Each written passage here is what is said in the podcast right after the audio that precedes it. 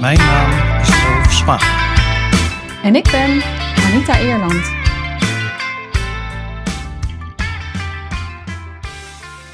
Nou, ik vind het wel gezellig dat je weer mag praten. Ja, het mag wel, maar ik kan niet zeggen dat het uh, zwijgen heel veel heeft geholpen. Nee, hè? Nee, het was wel een interessante ervaring. In welk uh, opzicht? Nou ja, je leeft eigenlijk veel meer in je hoofd. Mm Hè, want, uh, nou ja, als ik nu, als ik dan wat tegen jou wilde zeggen, dan dacht ik, oh nee, dat kan niet. Mm -hmm. Je kan niet alles uh, uitbeelden.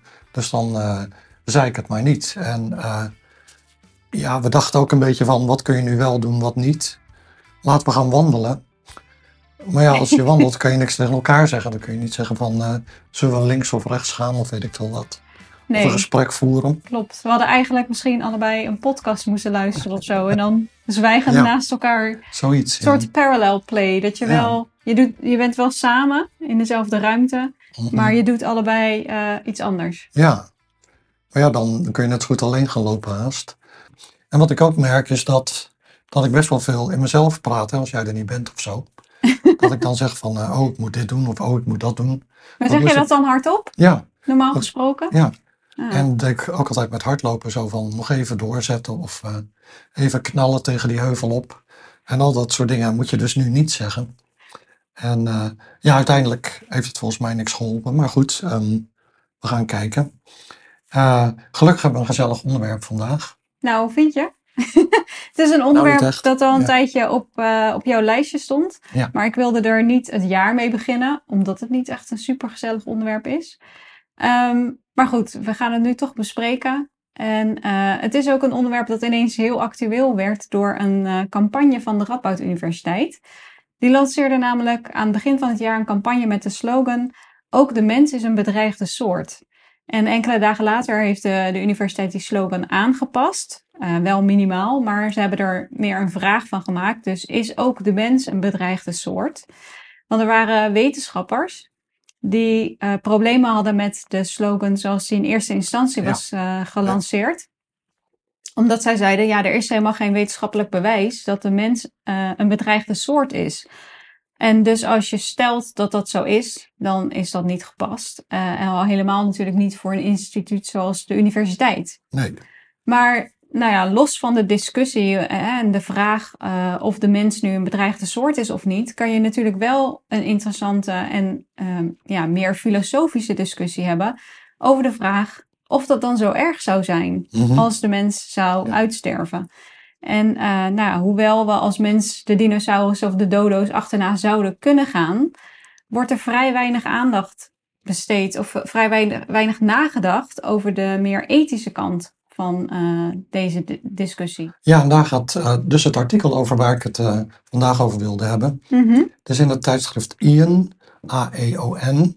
mhm, En het is van een filosoof die zegt van, ja, dat is wel een hele interessante vraag. Hè? Is het nu zo erg als de mens zou uitsterven? ja, Interessante filosofische vraag. ja, Maar vreemd genoeg is er heel weinig onderzoek naar. Terwijl het wel steeds meer een onderwerp van gesprek is. Want als je bijvoorbeeld op Google zoekt, en dan kun je zoeken naar menselijke uitsterving, extinctie, mhm, Ehm, eh, en dan vind je dat de frequentie van die woordencombinatie, hè, als je dus eh, kijkt naar alle gedigitaliseerde boeken die je op Google kunt vinden, dan zie je dat het menselijk uitsterven eigenlijk weinig wordt genoemd voor de jaren 30 van de vorige eeuw. En dat verandert dan een beetje na de Tweede Wereldoorlog, begin van het atoomtijdperk.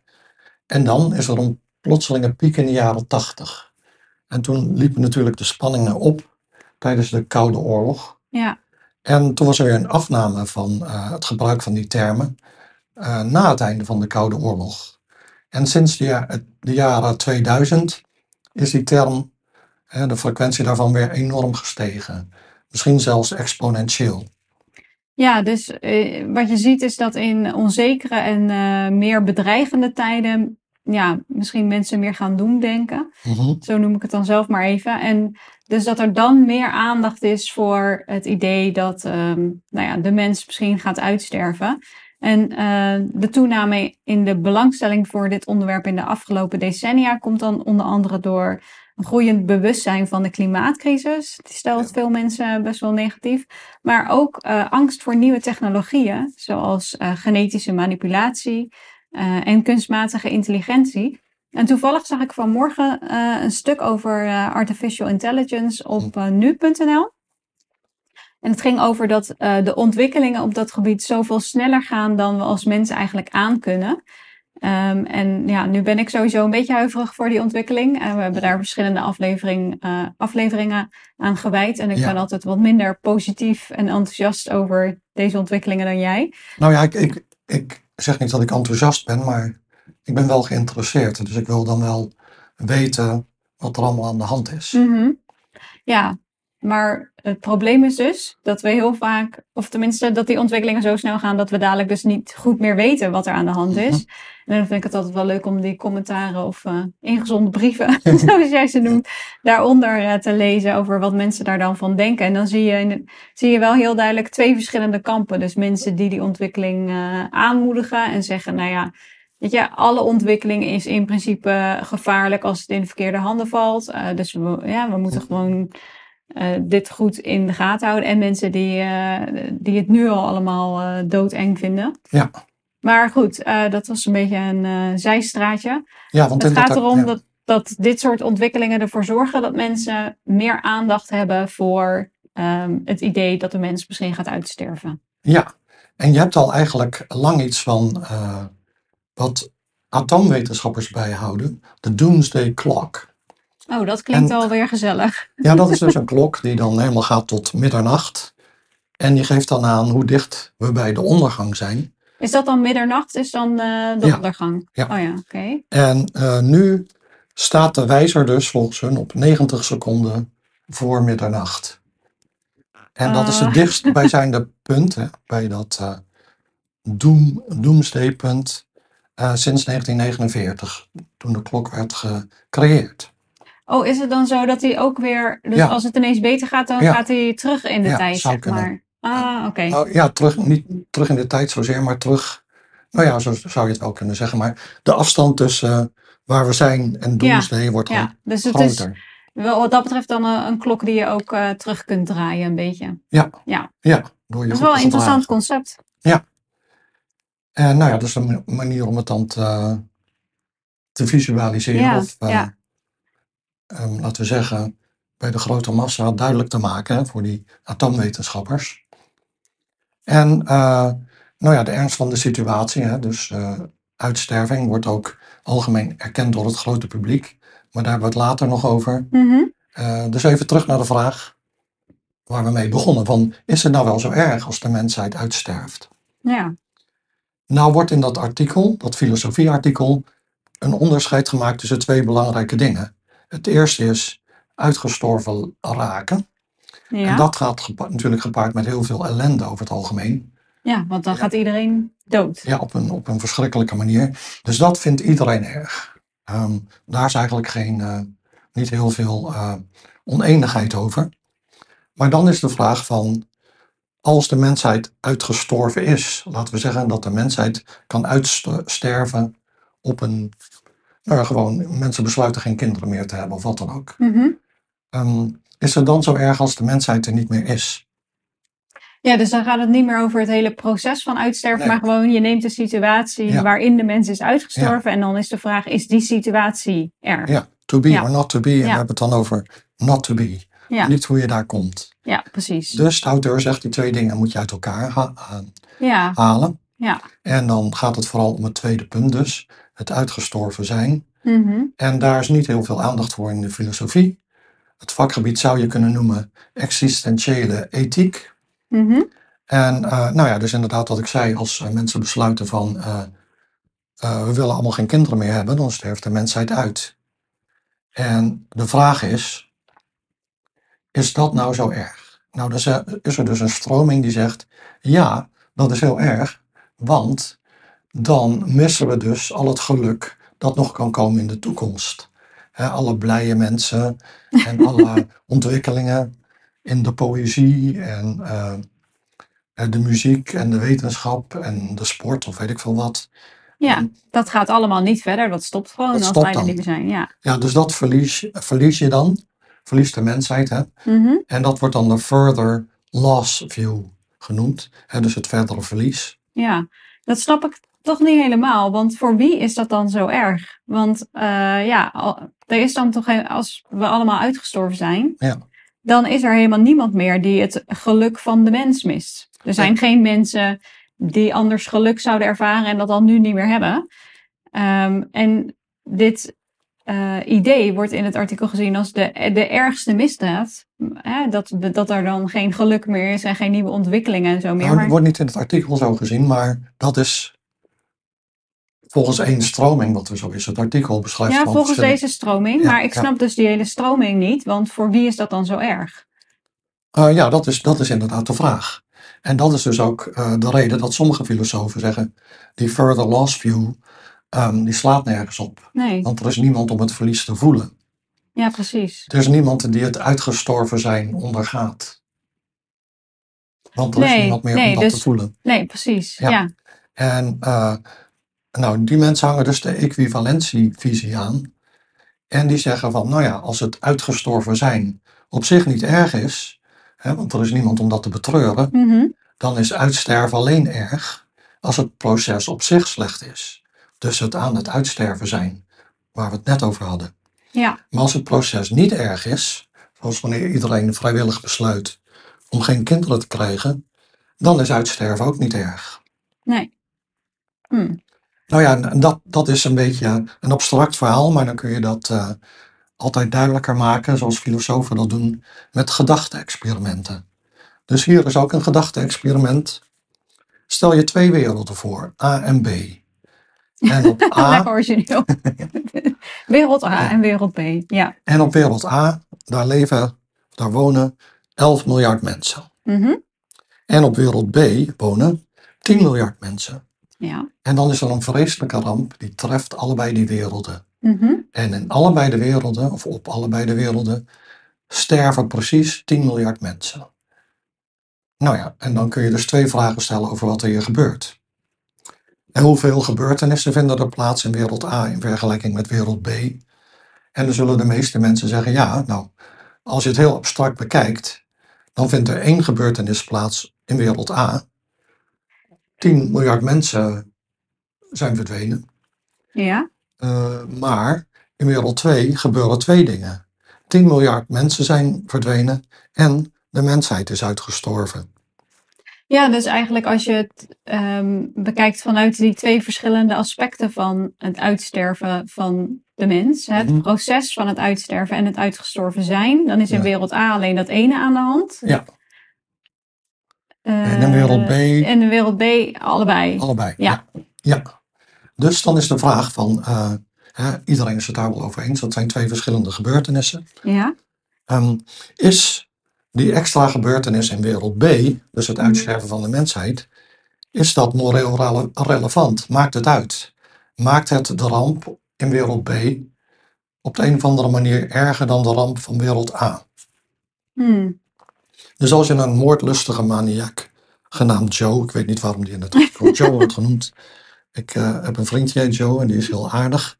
Maar, maar eh, ja, als je dus aanneemt Joe eh, veroorzaakt beide rampen, doet hij iets dan extra verkeerd in wereld B. Ja. En als je dus, nou ja, als je dus het standpunt accepteert van further loss, dan zul je zeggen, ja natuurlijk, die catastrofe in wereld B is veel erger. En daarom Ja. heeft Joe iets extra verkeerds gedaan in B, vergeleken met A.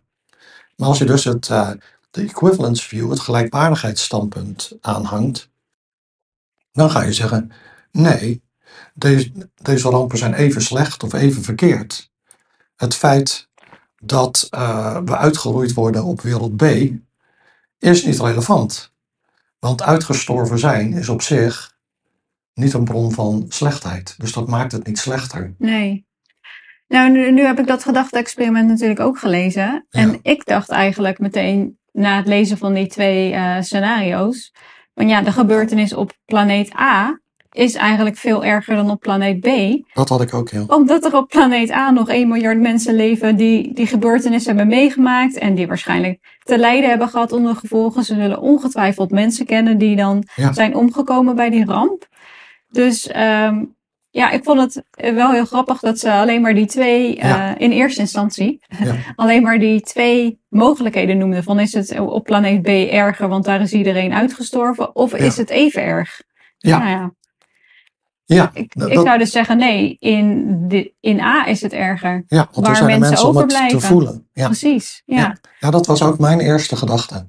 En ehm, dat hangt ook samen met een derde mogelijke positie die genoemd wordt in het artikel. Hè. Dus je hebt het eh, further loss en equivalence. Mhm. Dus ehm, het is heel erg als eh, de mensheid uitgestorven is, want dan hebben we niet alle goede dingen in de toekomst. ja. Dat is de further loss. En dan de equivalence is, het maakt niet uit, want er is toch niemand met verlies te voelen. En de derde positie is een positie pro-uitsterving. Dat zijn wij dus, kennelijk dan.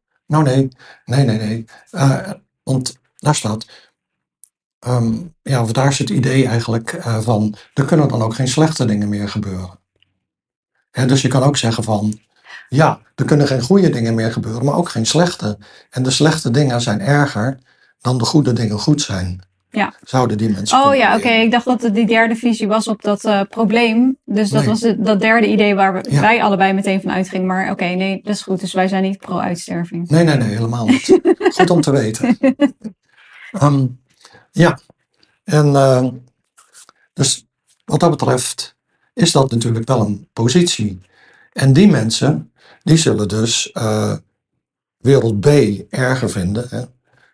Want die zullen zeggen, ja, maar dan zijn er nog steeds mensen die lijden. Dus Oh, de dus mensen, wereld A is dan erger. wereld A is erger. Wacht even. Want daar zijn mensen, daar had je elf en Ja, ja, sorry, zien, ja. eh, ja.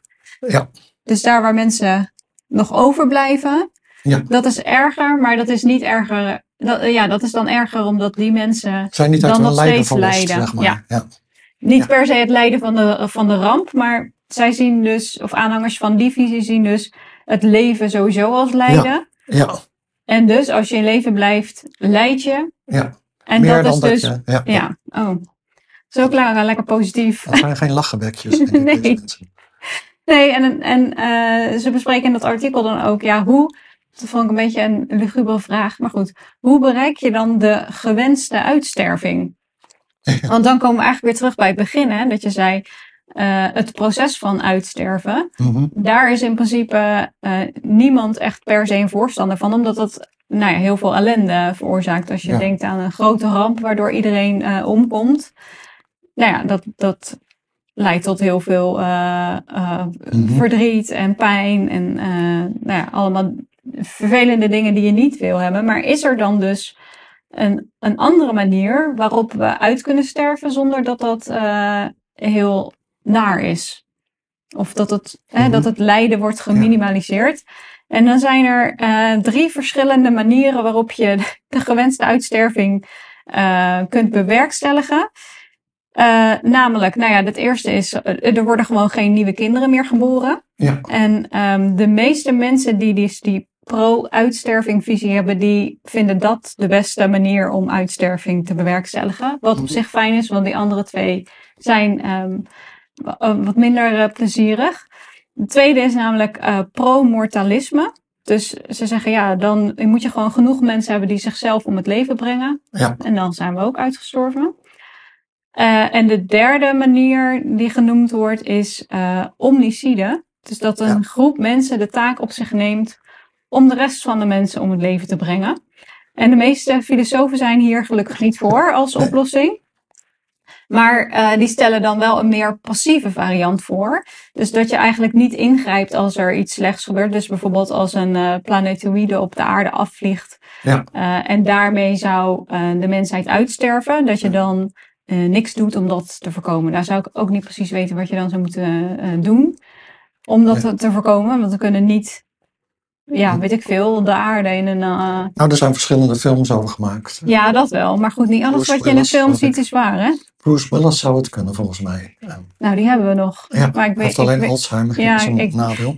Maar eh, ja, dus dat zijn die die visies. Nou, ehm, is het interessant dat er zijn commentaren op dit artikel, ook in het tijdschrift, Mhm. eh, verschenen. En eh, ergens wordt genoemd dat een studente zei van ja, antinativisme. Hè, dat mensen die, hè, dus er worden geen nieuwe kinderen geboren. Zij zei van, stel je nu voor dat alleen de vrouwen besluiten van wij willen geen kinderen meer hebben. Mhm. Dat is wel een interessant probleem dat niet besproken wordt in het artikel. Want zou dan, zouden dan de mannen de vrouwen moeten dwingen om toch kinderen te hebben, want anders sterft de mensheid uit?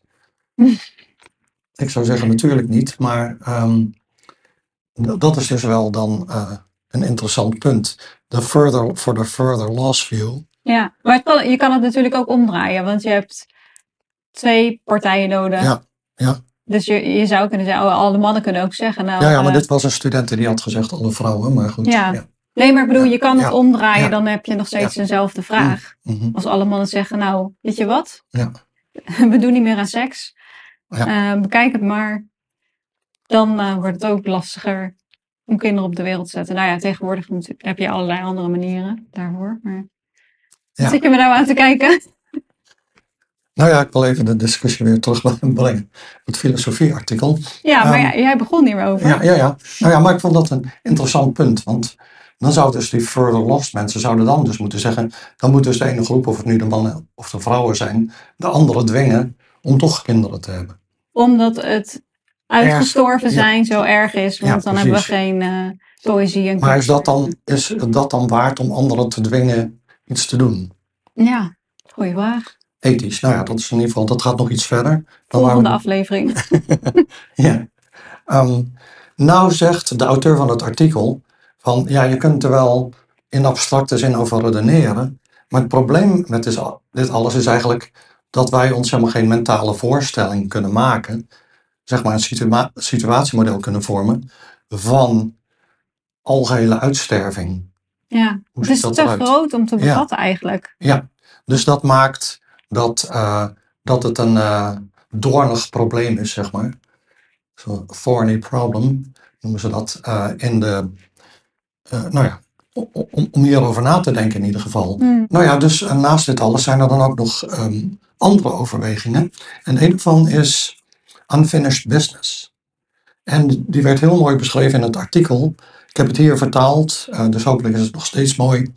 Ehm, maar daarin wordt dus gezegd van, het zou een monumentale schande zijn als de mensheid plotseling in het bestaan was verschenen, om zich heen had gekeken naar het heelal in verbazing en verwondering, had nagedacht over de vraag waarom er iets is in plaats van niets, en dan in de vergetelheid was verdwenen zonder het antwoord te kennen.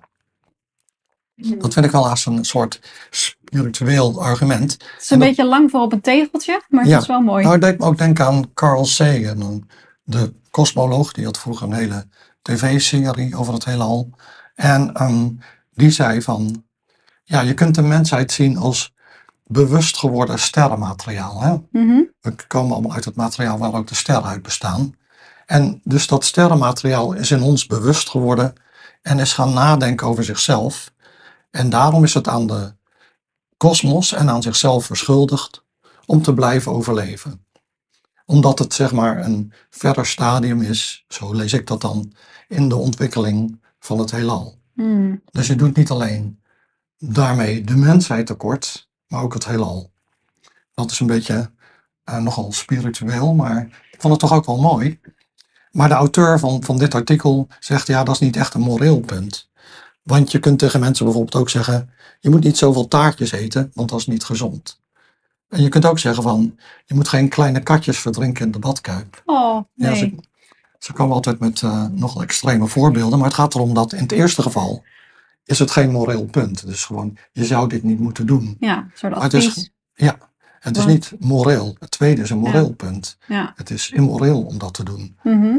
En het punt van dus die, eh, die monumentale schande, hè, dat de ja. mensheid niet voort blijft bestaan als een bewuste vorm van het heelal, is niet een moreel punt, Nee. maar dus meer een, eh, ja, een soort advies of zo. Of, eh, Ja, het zou zon, daarom zou het zonde zijn als we uitsterven, maar dat is inderdaad geen nee, moreel punt. En dat ik is vind net het, zoiets als dat het zonde is als Feyenoord geen kampioen wordt of zo. ja, dat vind ik wel. Ja, maar dat is dus van die orde van grootte. Terwijl ik denk van, dit is nu juist datgene wat mij het meeste aanspreekt.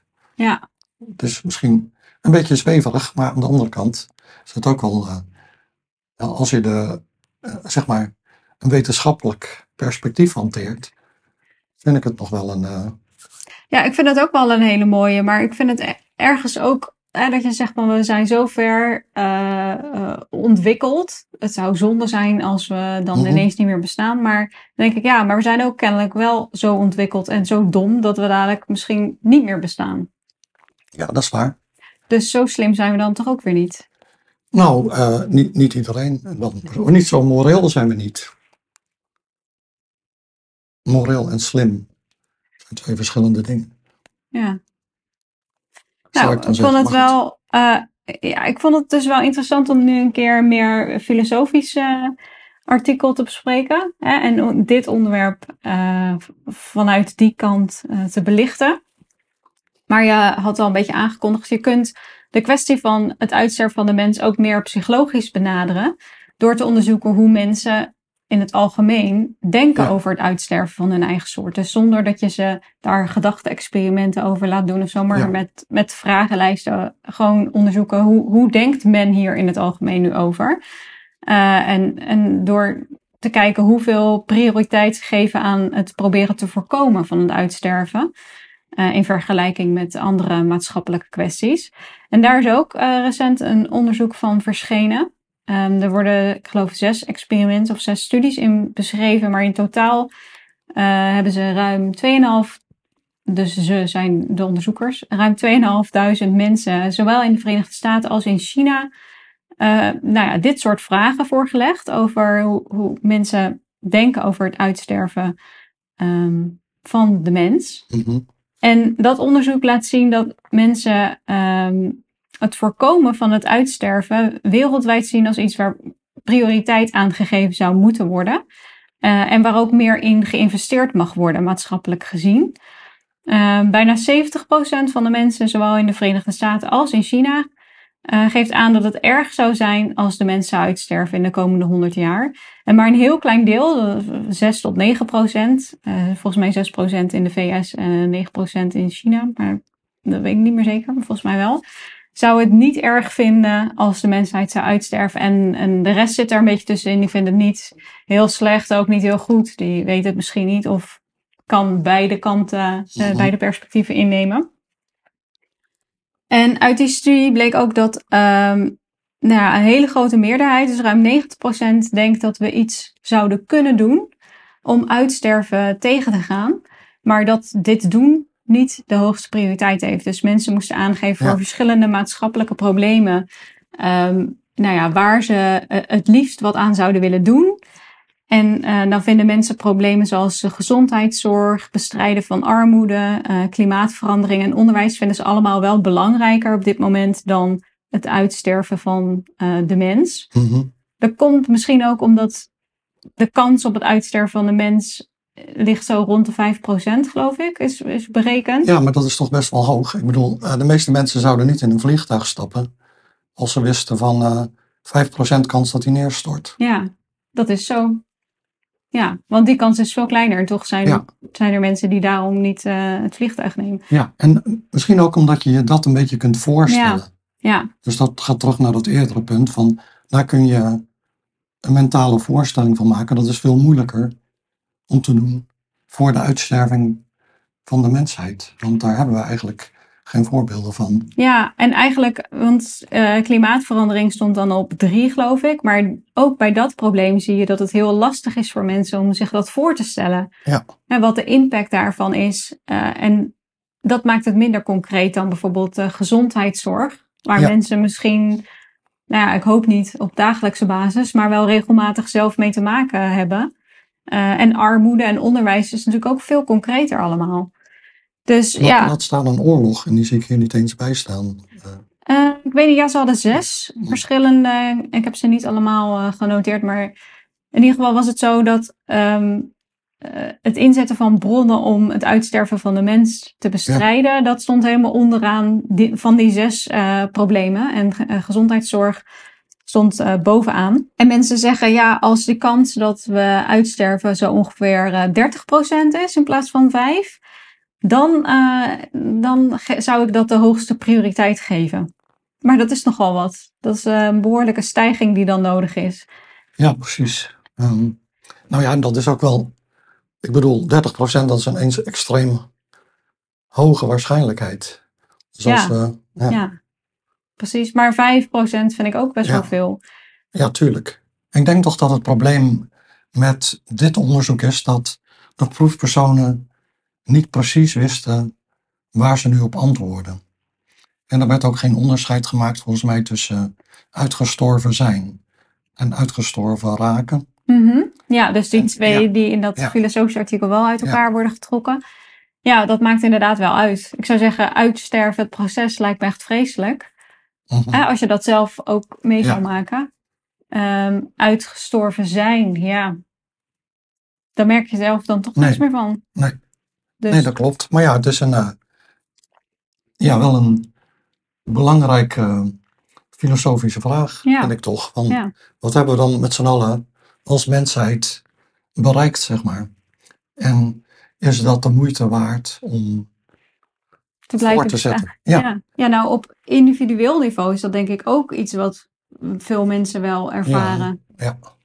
Dus dat je niet alleen denkt, waarvoor is de mensheid op aarde? En als we er dadelijk allemaal niet meer zijn, wat heeft het dan voor zin gehad? Mhm. Maar dat je dat, nou ja, ook als individu, als individu kan hebben. Ja, precies. Van waar, waarom ben ik op aarde en um, wat, heeft, wat heeft mijn leven straks voor zin gehad als ik er niet meer ben? Ja, nou ja daarom heb je natuurlijk religies en eh, wetenschap en wat al niet. Maar dan is de, de vraag is, nu die eh, in dit artikel wordt dus dat nieuwe deelgebied van de filosofie genoemd, hè? Mhm. existentiële ethiek. Maar daar zou dit dan ook onder vallen, denk ik. Dus je hebt dan individuele essens... ja, wat? individuele, essentiële uh, ethiek. En je hebt collectieve, existentiële ethiek.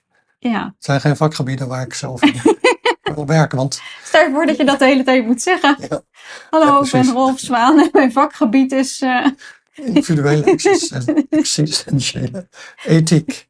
Um, nou ja, zo wordt het toch nog vrolijk aan het eind van de aflevering. Uh, we hebben natuurlijk niet Wie altijd... Wie had dat gedacht met zo'n onderwerp? Ja, ja, precies. Nou ja, um, ik bedoel, jouw eigen universiteit, uh, de Radboud Universiteit, is blijkbaar bezig met deze vraag. En um, ik denk zelf van, het is goed om af en toe over dit soort dingen na te denken, maar in onze podcast is het natuurlijk ook leuk om vrolijke onderwerpen te hebben. Dus, uh, nou, die hebben we ook genoeg gehad, toch? ja, best wel. Ja, ja. ja, zeker. Nou ja, kijk, onderwerpen die we nog altijd zouden kunnen hebben zijn humor en uh, geluk en uh, ja, wat heb je nog meer? Ik dacht dat je ging zeggen sudoku's of zo.